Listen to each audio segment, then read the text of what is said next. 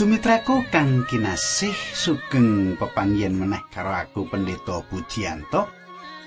Kaya padatan adicara margi utami bakal bebarengan karo panjenengan ing sawetara wektu iki pangajapku muga panjenengan tansah kinantenaning Gusti luber ing rahayu tanebihna ing sambekala. Kaya padatan atur pasugatan iki mirungkan kagem panjenengan sing remen ngekilut remen sinau isining kitab suci.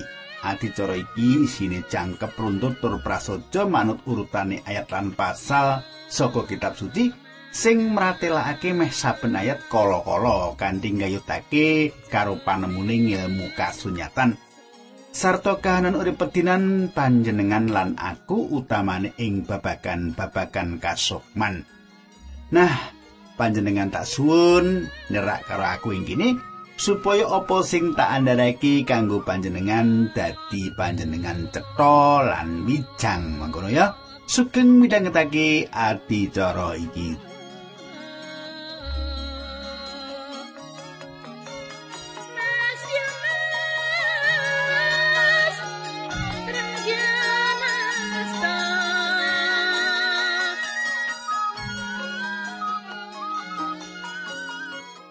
Katanggu apa panjenengan isih kelingan apa sing ndak aturake ana ing patemon kita kepungkur? Tak jaluk panjenengan isih kelingan apa sing tak aturake ana ing patemon kita kepungkur? Kita wis ngekilut bab enteke generasi sing lawas. Wong-wong Israel sing tuwa-tuwa wis padha mati. Kejaba Kaleb bin Yefun lan Yosua bin Nun awit wong loro kuwi wong kang bisa ngetokake anggone setya lan percaya karo Gusti Allah. Ora ana pangrundel babar pisan ing uripe lan sumende ana ing pangeran. Nah katanggu kepriye lakune bangsa Israel sateruse sadurunge tak terusake perlu kita ndedonga nanging sadurunge ndedonga aku ngaturake salam dhisik marang Bapak Tugimin Wah, Pak Tugimin kados pundi kabaripun Pak Tugimin? Kita dereng kepanggih nggih. Mangke menawi kawula dipun suwun ngladosi gereja panjenengan saged pinanggih. Syukur mangayu bagya menawi panjenengan awis saking midhangetaken margi utami menika panjenengan dipun berkahi dening Gusti Allah. Nah, kadangku ayo kita ndedonga bebarengan. Duh Kanjeng Rama ing swarga, Dinambaran asmanipun Gusti Yesus kawula ngaturaken gunging panuwun dene ing wekdal menika kawula saged patunggilan malih kalian sederek-sederek kawula ingkang tansah ngantu-antu pangandikan paduka ingkang kagelaraken wonten ing adicara margi utami menika. Kawula nyuwun sepatus paduka njebati kawula sami.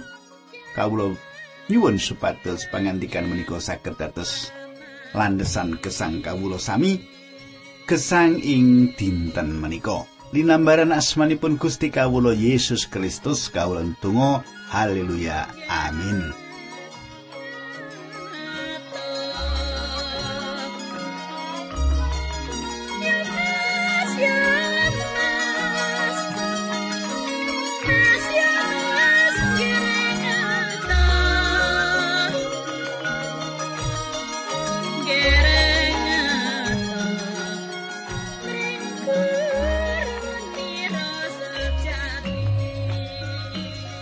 Kadangku kang dak tresnani ing dina iki. Ing dina iki monggo kita miwiti miwiti ing kitab Bilangan pasal 17. Kita sinau. Miwiti sinau ing kitab Bilangan pasal 17 lan tak suwun panjenengan wis buka kitab Bilangan sing jenengan gadai iku. kitabe panjenengan ingkang kula kajengaken nggih. Nah, bangsa Israel wis ganti generasi ini. Ganti gagrak keturunani. Ganti angkatan keturunani. Ing keturunan anyar iki Israel uga arep ngadepi tantangan sing anyar uga. Pancen kanggone generasi utawa keturunan utawa gagrag anyar iki ora gampang kanggo bisa ngerteni kahanane gagrag lawas Israel. Kaya dene kita nalika kita isih padha dadi nom-noman mesti ana wae carane kanggo ngritik. Mesti wae ana centula nyalahake para wong tuwa sing pancen klebu gagrag lawas. bab panemu lan pamikire uga beda karo bocah nom-noman ing jaman saiki. Lah para wong tuwa uga padha ngritik maido wong-wong sing angkatane isih anyar. Piye cah nom-nom iku? Lah kok duwe patrap kaya mengkono jaman aku dhisik nek wis ngono ki iso dadi bebayani kanggo urip bebrayan agung nanging cah nom-nom saiki wis bah bah ya ngono ya nah wis kaya ngono iku kahanane jaman. Nganti tumeka saiki paidu paidunan antarane jamane wong tuwa karo jamane wong nom nah saiki panjenengan tak derek iki maca kitab wilangan pasal pitulikur ayat siji nganti tekan limo yo diwaca ayat siji tekan ayat limo Mungkin surasane pangandikan anake wadon Sela Fehat ana limo.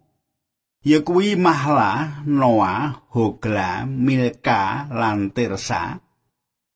Sela Fihat anake Hefer, Hefer anake Gilead, Gilead anake Makir, Makir anake Manase lan Manase anake Yusuf.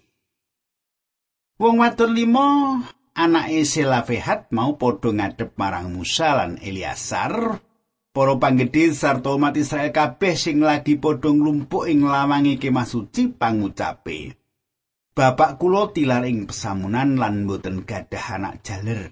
Piyambakipun boten tumut ing pemberontakanipun Korah. Pecahipun margi saking dosanipun piyambak. Nanging kenging menapa naminipun bapak kula lajeng boten kasebut ing Israel namung mergi boten gadah anak jaler. Kulo sami nyuwun dipun paringi siti pusaka ugi kados anak-anakipun sederek-sederekipun bapak kulo. Musa banjur ngaturake perkara mau marang ngarsane Gusti Allah. Kadangku kang ndak tresnani wong sing jenenge Selafehat iki mati ing ora-ora samun. Dheweke duwe anak wadon limo lan ora duwe anak lanang manut paugeran Musa. mung anak lanang wae sing duwe hak warisan. Anak-anak wadon ora duweni hak apa-apa. Saja ing panggonan liya ing antarane bangsa-bangsa uga ana sing duweni paugeran kaya mengkono iku. Wong wadon iku ora klebu etungan. Kados pundi panjenengan? Daerah panjenengan apa ya ngono? Wong wadon iki ora klebu etungan ngono. nah, kula terusaken. Mongko anak-anake Selafehat padha njaluk paduman waris. Ing jaman saiki akeh tatanan sing nuduhake hak-hake wong wadon. Mesti wae ing kitab suci uga dimot conto bab hak-hake wong wadon. Sang saya panjenengan gegilut isi ning kitab suci, sang saya panjenengan perso apa to hak-hake wong wadon iku? Nabi Musa panjen isih cubluk ngenani hak-hake wong wadon. Isih kurang ngerti, isih durung pengalaman. Mula Nabi Musa banjur nyuwun pirsa marang Allah. Saiki wilangan pasal pitulikur ayat 6 pitu mengkene surasani. Lan Gusti Allah banjur paring wangsulan pangandikani. Penjaluke anak-anake Selafehat kuwi wis sak mestine. mulane weneh ana lemah pusaka kaya anak-anake sedulure bapakne warisan sing dadi hae silafehat mau kudu diturunake marang anak-anake wadon Sumitraku Gusti Allah harap milo hak-hake para wong wadon to ya ta mulane panjenengan kuwi ora ngitung sedulure wadon warisane wong tuwa dihaki dhewe panjenengan wis nerak paugerani Gusti Allah. Wong serakah iku panjenengan. Aja ngono. Dadi wong percaya iku kabeh sing jenenge sedulur kudu diwehi padha. Mengkono aja nakal-nakalan. Ora becik. Ya ta? Allah melo. Hak-hake para wong wadon. Iki aturan sing apik lan mapan. Panjen kita urip ing kahanan sing panjen kaya mengkono lire hak-hake wong wadon wis ditata becik Mesine kita rada bingungi yen wong-wong wadon ing jaman iku, jamane Nabi Musa padha didadekke batur tukon utawa pembantu. Yen deleng kanan saiki wis sak yen para wong wadon padha ngaturake panuwun marang kitab suci sing wis nedahake hak-hake awit pancen kitab suci sing sepisanan nulis bab hak wong wadon. Saiki bilangan pitulikur ayat bolu nganti sewelas. Mengkini surasane pangandikan. Umumno marang umat Israel, yen semosono wong mati ora ninggal anak lanang, bandani kudu diwarisake marang anake wadon. Yen ora duwe anak wadon kudu diwarisake marang sedulure lanang, yen ora duwe sedulur lanang kudu diwarisake marang sedulur-sedulure bapakne.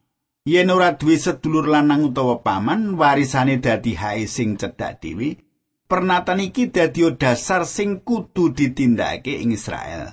Aku pangeran sing dawake iki marang kowe. Kadangku kang dak tresnani iki sawijining kawicaksanan sing ngidap-idapake. Wis ditindakake 1500 taun sadurunge Gusti Yesus rawuh ing donya. Wong wadon ing kang kasebut mau padha nguti supaya etuka warisan saka wong tuane. Ing adat kabudayan utawa aturan sing katulis, ora tau ngemot apa sing dadi hae para wong wadon.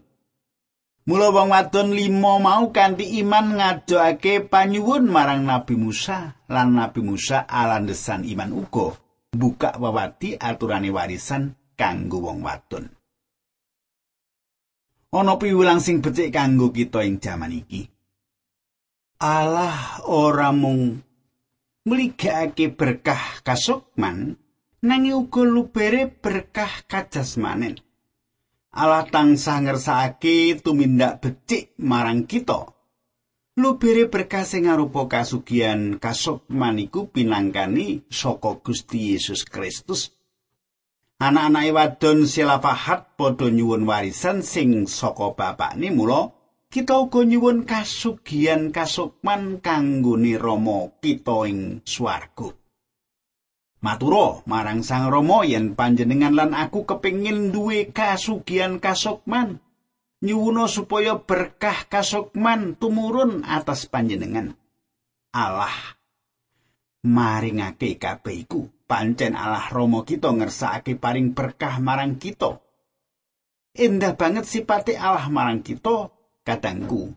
Ana kahanan sing nyediake ing kene nalika Nabi Musa nyiapake pribadine kanggo ngliwati gesange ing donya iki. Coba panjenengan semak. Ayat rolas nganti ayat 14. Pangandikani Allah marang Musa munggao ing gunung Abarim lan delenga saka kono segara sing bakal ndak paringake marang bangsa Israel. Sawise ndeleng negara mau kowe bakal ndak pundut kaya sedulurmu Harun, merga ing segara disin kowe lan Harun wis mbangkang marang dawuhku nalika rakyat kabeh ing Mariba padha nyalahake aku, kowe ora padha kondo marang rakyat yen mung Allah piyambak sing kagungan panguwasa. Mariba iku tuk ing Kades ing segara Disin. Kadangku Gusti Allah lagi nginget-inget dewi marang Nabi Musa supaya mau ngetungake tekene marang gunung watu sing banjur dijojoh nganggo tekene kaping pindho. Gusti Allah ngendika iku sawijining pemberontak marang hukum-hukume Allah jalaran mung pambalela sing kaya ngono wae Allah ora ngeparengake Nabi Musa mlebu tanah kenaan. Mung ana wektu kanggo nyawang saka kaduan wae saebo endahe tanah perjanjian jalaran ora setya tuhu marang Allah kita padha kecandhet ora bisa mlebu ing tanah perjanjian rohani kita. Musa kalang-kalangan sediane mlebu tanah perjanjian jalaran ora setya tuhu marang dawe Allah. Saiki wilangan pitulikur ayat 15 nganti 19 mangkene surasani. Musa banjur ndedonga duh Allah ingkang paring gesang dhateng sedaya tumita. Kersa nedahaken sinten tiyangipun ingkang badhe kakersakaken ngirit bangsa menika, tiyang ingkang saged dados senopati semasa perang sampun ngantos paduka negakaken umat menika kados pepantran mindo ingkang tanpa pangin. Pangandikane Allah marang Musa nimbalana Yusua bin Nun, kuwi wong sing kanggunan roh sirai tumpang ana tangan. Dawono ngadeg ing ngarepe Imam Ilyasar lan umat Israel kabeh kowe ngumumno ing ngarepe wong mau kabeh yen Yosua kuwi sing ngganti kowe. Katengku Musa kudu ana penggantine. Dheweke kudu wong sing kebak ing royalah. Tumpang astane Nabi Musa ndadekake Yosua kapenuan ing royalah. Utawa kapenuan ing kuwasa. Panjenengan isih inget nalika para jemaat numpangake tangane marang Rasul Paulus lan Barnabas lan ngutus abdini Allah loro iki ngladosi ing Antioquia.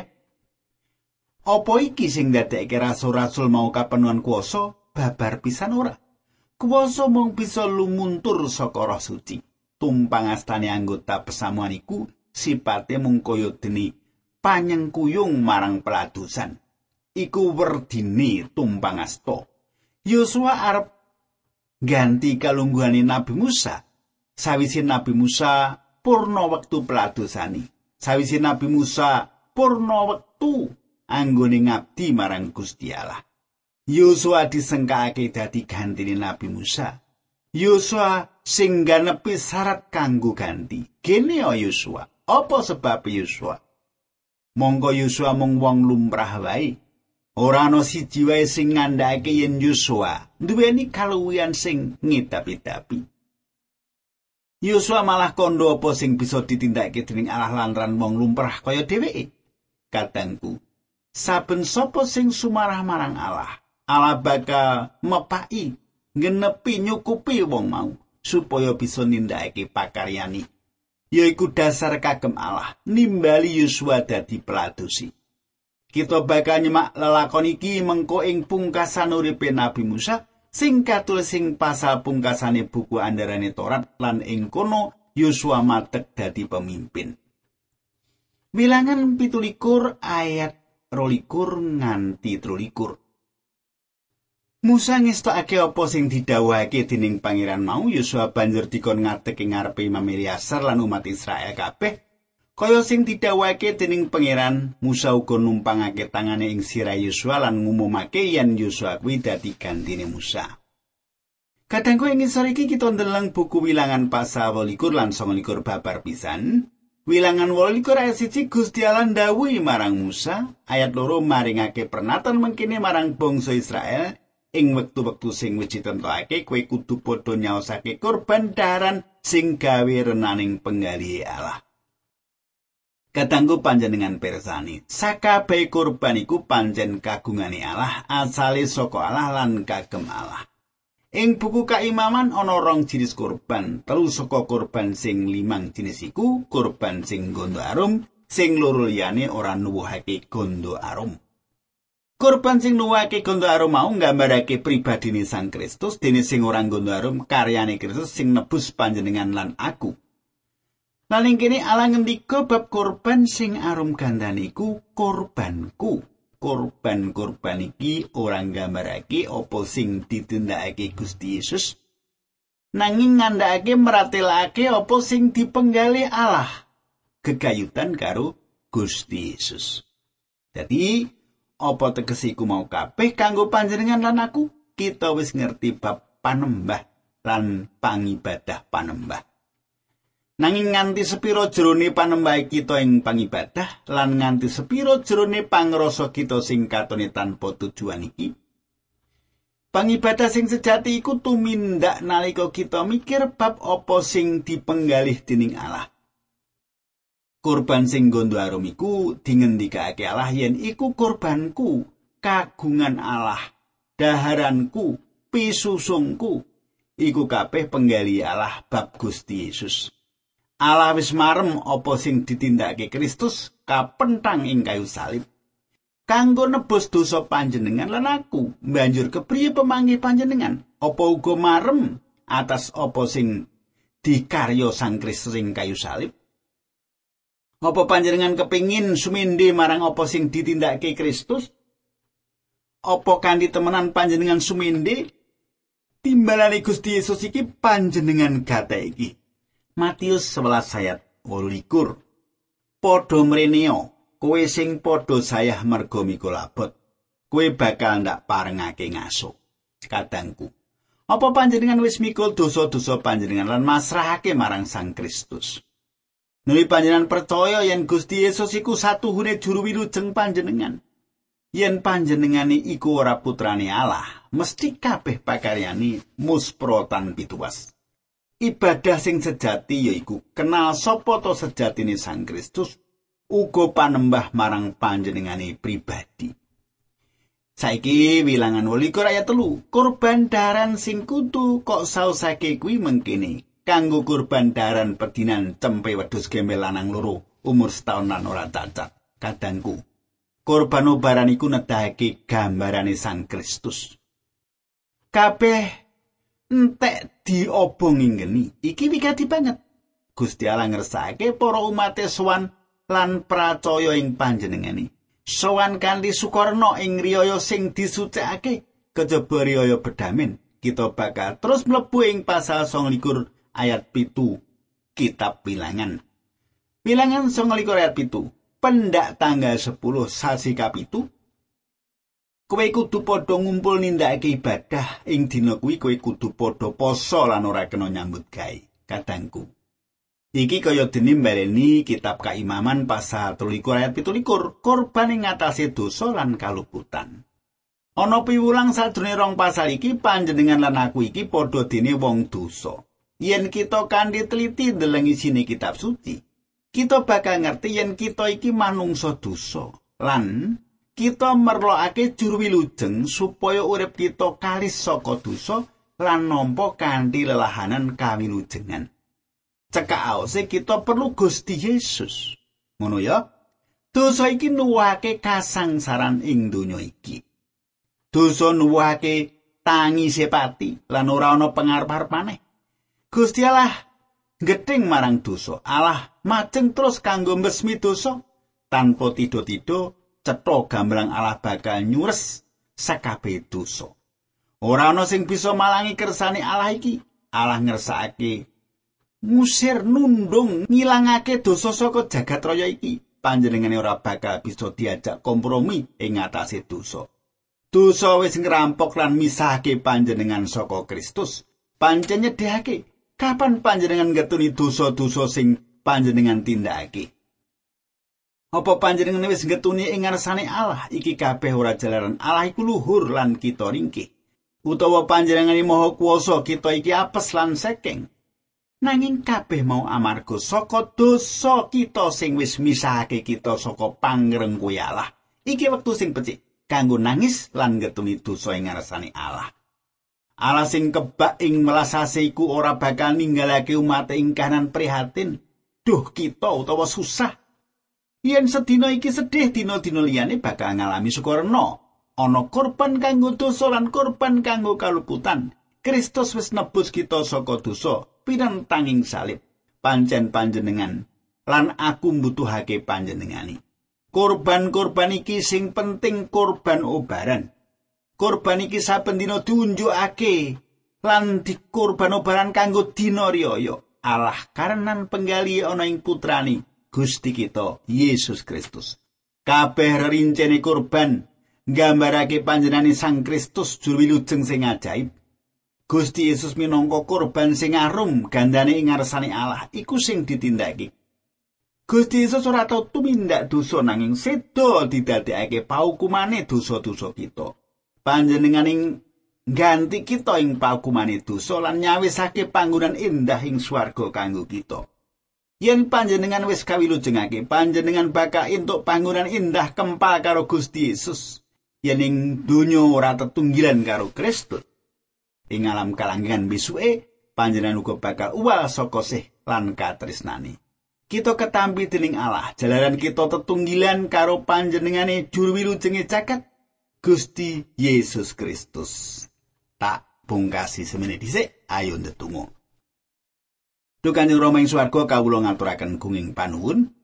Kawula sampun sinau pangandikan patuko kawula nyuwun supados menapa ingkang abdi patuko andharaken dados sanguning gesang sedherek-sedherek kawula menika.